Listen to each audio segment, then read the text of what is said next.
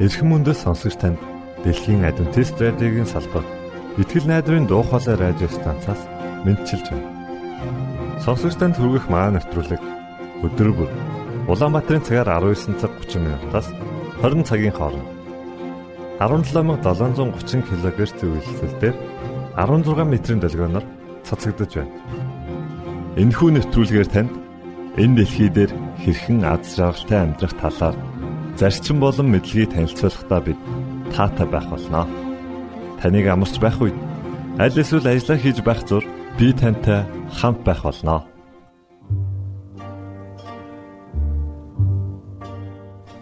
Энэ удаагийн нэвтрүүлгээ бид Silent Night хэмээх дуугаар эхлүүлж байна. Харин үүний дараа X үзлэл нэвтрүүлгийн цуврал дугаарыг хүлээн авч сонсноо. Ингээд хөгжмөдөө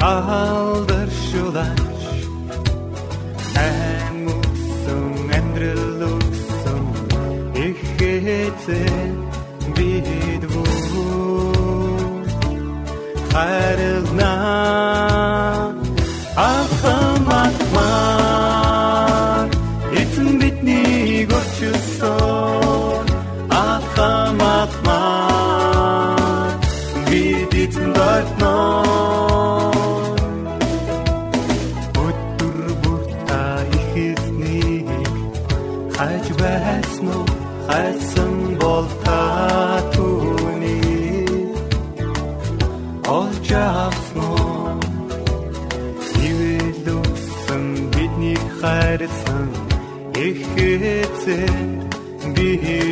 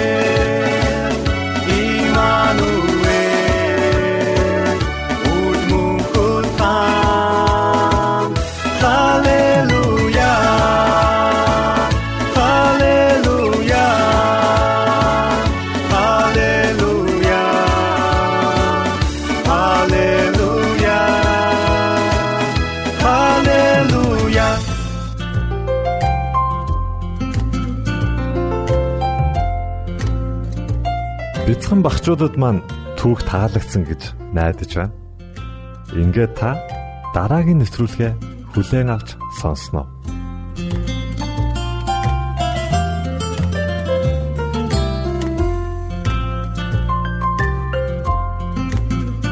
Сайн байцгаана уу сонсогчдоо. Өөрийгөө байлдан дагуулагч болгон хөгжүүлэх цуврал нэвтрүүлэг маань үргэлжилж байна. Энэ удаагийн дэд гарчиг харилцаанд бэлтгэх зарчим гэсэн сэдвийн дор явагдж байгаа. Энэ дотроо 5 зарчимтай гэж бид өмнө нь бас дурдсан байгаа. Тэгэхээр энэ удаагийн зарчим бол толин зарчим. Буюу миний шалгах ёстой хамгийн ихний хүн бол би өөрөө.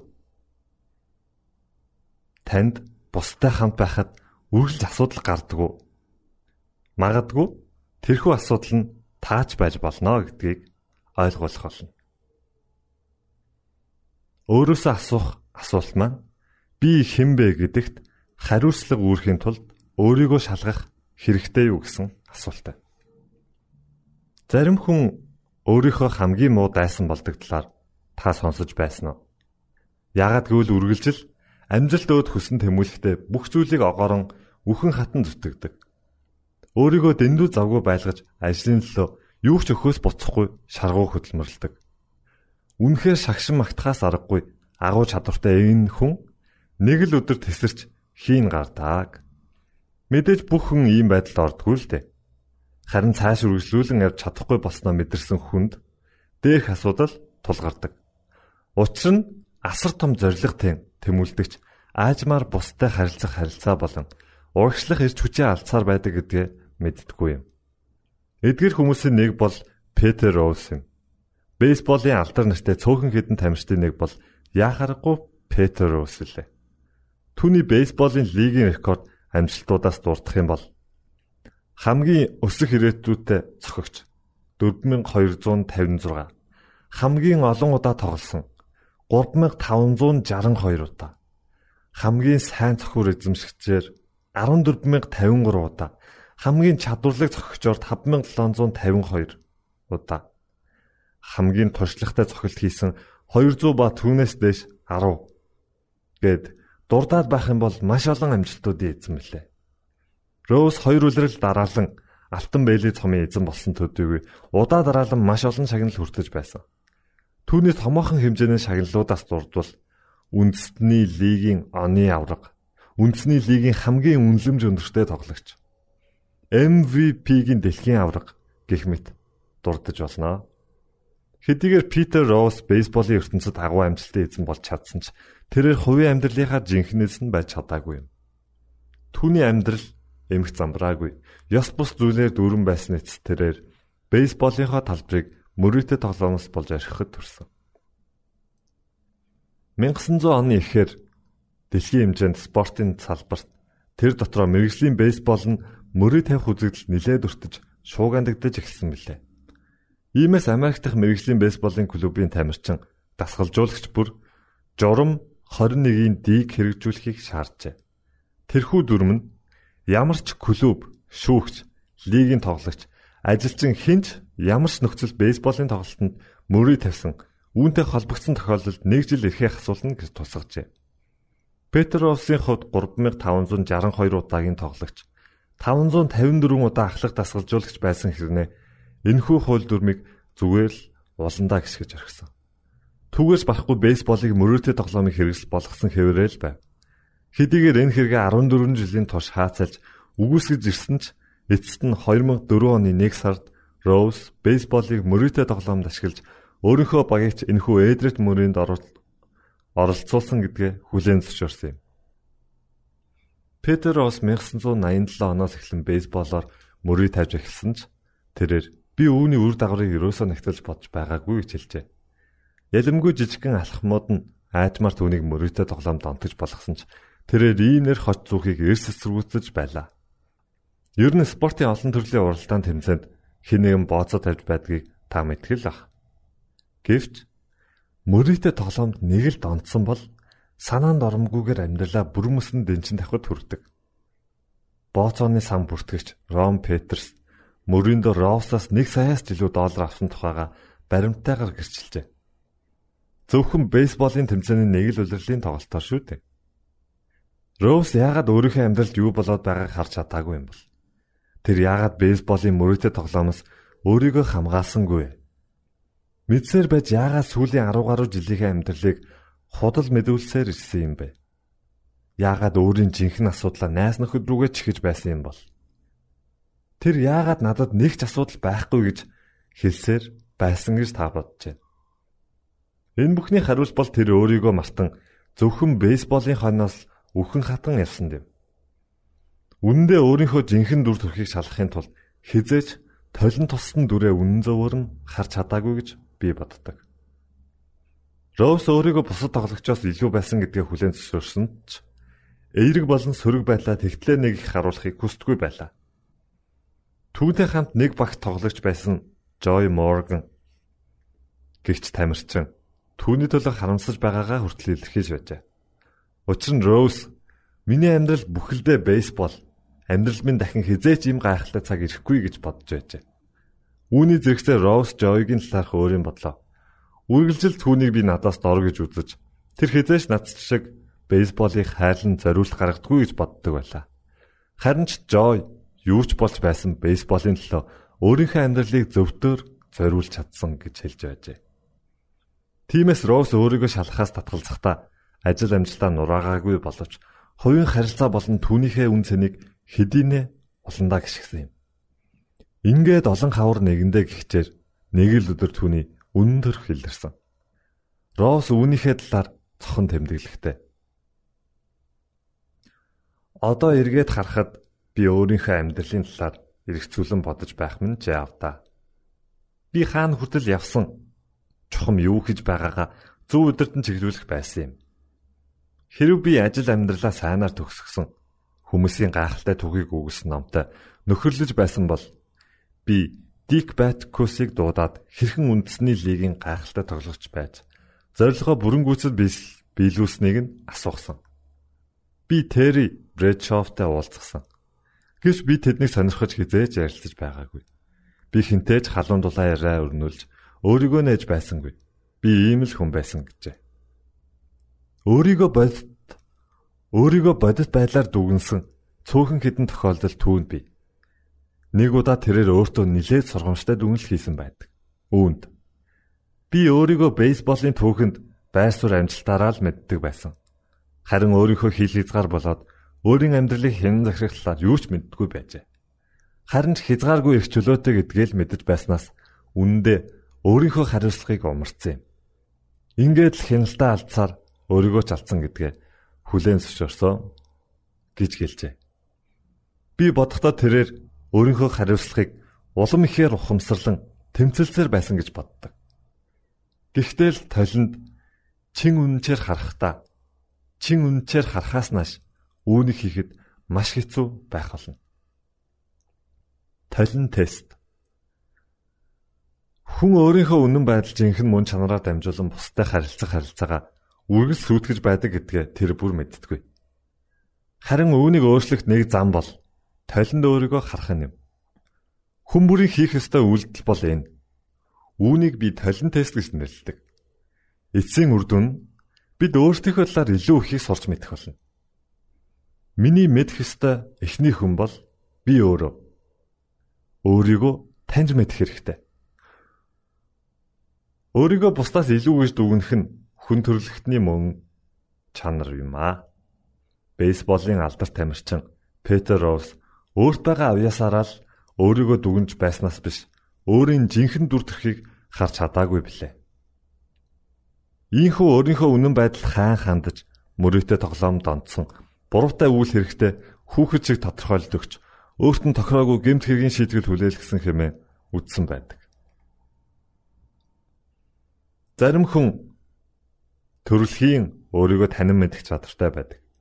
Зохиолч Томс Армстронг ухаалаг байх долоон чанарыг боловсруулсан ба эдгээр чанарууд нь хүний оюуны чадамжийг тогтвортой байдлаар эзэмшүүлдэг.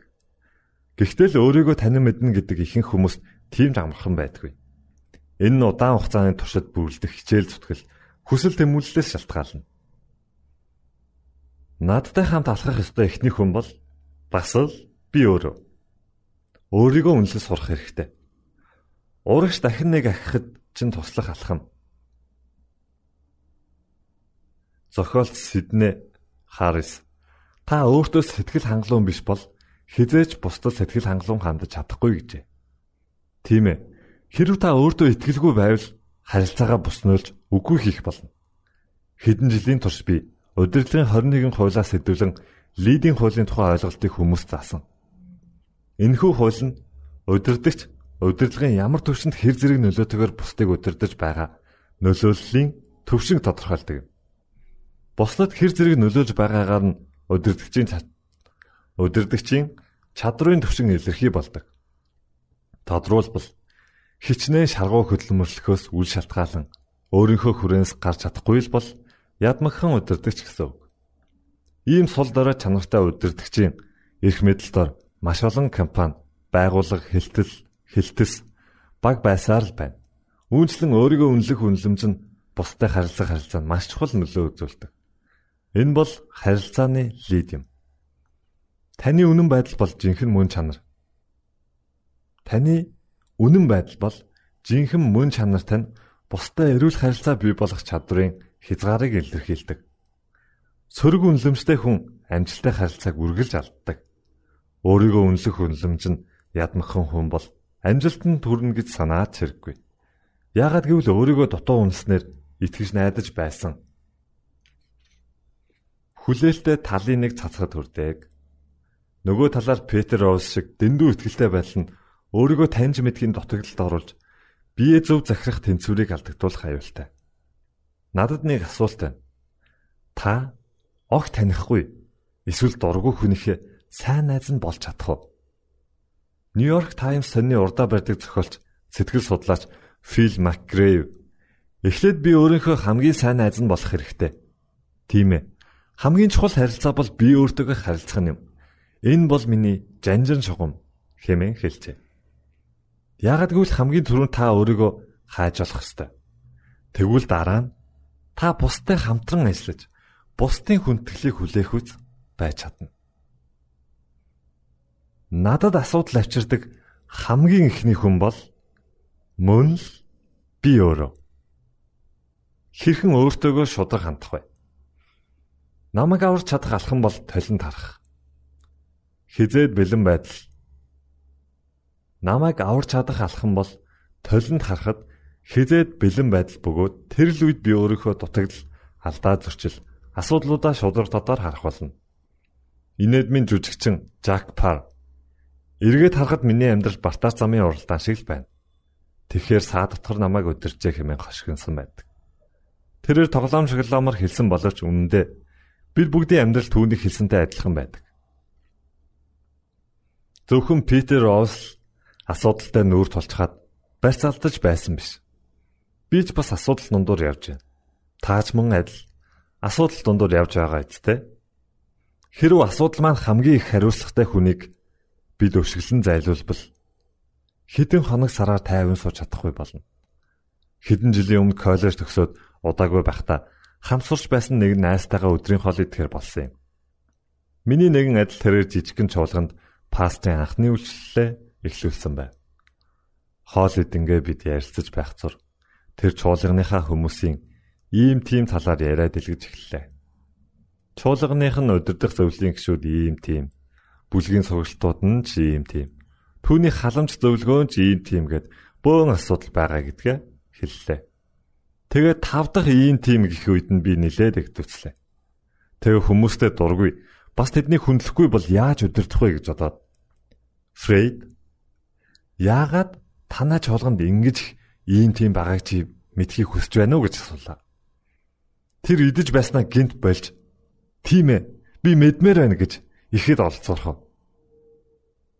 Харин би түнд яагаад гэвэл хамгийн том ийм тийм бол үнэндээ чи өөрөө гэж найзыгаа хүн цогцолтонд ортол хэлж орхив.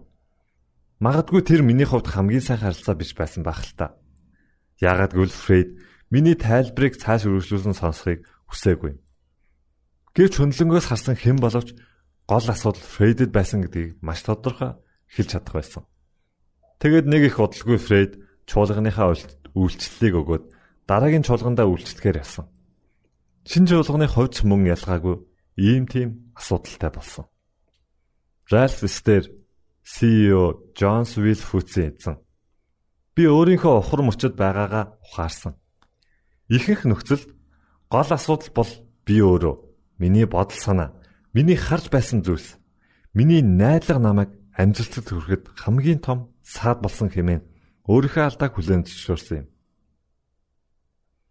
Хэрвээ та хамгийн том дайсан болох өөрөөсөө өөрийгөө хамгаалахыг хүсэж байгаа бол өөртөө шудраг хандаж бодит байдлаа хүлээн зөвшөөрөх нь чухал. Өөрчлөл эхлэх ёстой хамгийн ихний хүн бол би өөрөө. Өөрийгөө босгон байгуул. Олны өмнө хичээл заах, лекц унших, ном бичих зэрэг тулгардаг нэг аюул бол хүмүүс таныг жинхэнэ мастер зааж байгаа зүйлдээ гаргуул шилжигнэ гэж боддог. Үүнд нэг их баясаад байх хэрэг байхгүй. Миний хувьд удирдлагынхаа ур чадвар харилцаан дээр үргэлжлүүлэн ажилласаар л явна. Энэ номдо оруулсан зарчмуудаа хүртэл би тийм сан хэрэгжүүлээгүй л. Би одоо ч өөрийгөө чадваржуулахын тулд үргэлжлүүлэн хөгжүүлсээр л. Миний хувьд үргэлж дагдаг нэг үнэн бол би одоо хангалттай өслөө боллоо гэж бодох үедээ л жинхэнэ асуудалтай тулгарх тулгарх болно гэдгээ мэддэг юм. Вестминстер Абейгийн бунханд 11-р зууны үед амьдарч байсан нэгэн Англикан сүмийн номлогчийн бус байдаг бөгөөд үүн дээр ингэж бичжээ. Би баг залуу байхдаа хязгааргүй агуу хөсөл мөрөөдлөөр дүүрэн байсан. Ингэх ингэхдээ би дэлхийг өөрчлөх чин хүсэлтэй байлаа. Харин цаг хугацаа өнгөрч амьдрал үзэх тусам дэлхийг өөрчилж чадахгүй нь гэдгийг ойлгохдоо ядаж улс орноо өөрчлөх хэрэгтэй гэж шийдсэн. Гэвч нас минь хэлбиж хүчмэн дороодох бүрт орлого маань бүтлгүүтэж бүр бай гэхэд гэр бүл ойр дотныхоо хүмүүсийг өөрчлөхөөр шулуудлаа. Гэтэл тэднээс ч мөн өөрчлөлтийнхөө бүртих сүдрийг харсангүй. Эцэст нь хадан гэр минь ойртон хувь зайтайгаа эвлэрэн хэвтэж байхдаа би гэнт. Хэрвээ эхлээд би өөрийгөө өөрчилсөн бол миний амьдралыг хараад гэр их минь өөрчлөгдөх байж. Тэдний урам зориг үр нөлөөтэй амьдралаас нь болж миний улс орон илүү сайхан болох байж. Тэгээ сүлд нь би дэлхийгээ өөрчлөхийг харах байжээ гэдгээ ухаарсан юм. Яг л биеца гэрэц гэрэца төрөөц гэдэг үгтэй ижил. Хүн харилцаан дээрээ бэрхшээл амсахаараа үргэлжил хэн нэгний буруутхан тэднээс хамаг юм боллоо гэдэг. Үндэ жинхэнэ асуудал өөрөө гэдгийг мэдтгүй. Тиймээс бид үргэлж өөрийгөө шалгаж би юун дээр өөрчлөгдөх хэрэгтэй вэ гэдэгт анхаарал хандуулах хэрэгтэй. Шүүмжлэгч Самуэль Джонсон ухаал өгсөн нэгэн зөвлөгөөнд хүний мэс чанарын талаар жаахан мэддэг хүн аз жаргал нь ямар нэгэн өөрчлөлтөөр ирнэ гэж хүлээдэг бол өөрийн мөн чанарыг мэддгүй хүн аз жаргал нь гадны ямар нэгэн өөрчлөлтөөр ирнэ гэж хүлээдэг. Гэвч амьдралдаа ямар ч сайн сайхан зүйлгүй амьдарсаар зорилгооч биелүүлж чадалгүй хөл рүү явах болно хэмээн сануулжээ. Та дэлхийн ертөнцийг өөрчлөх хүсэлтэй бол эхлээд өөрийнхөө өмнөх хариуцлагыг бүрэн дүүрэн үүрэх ёстой байлаа.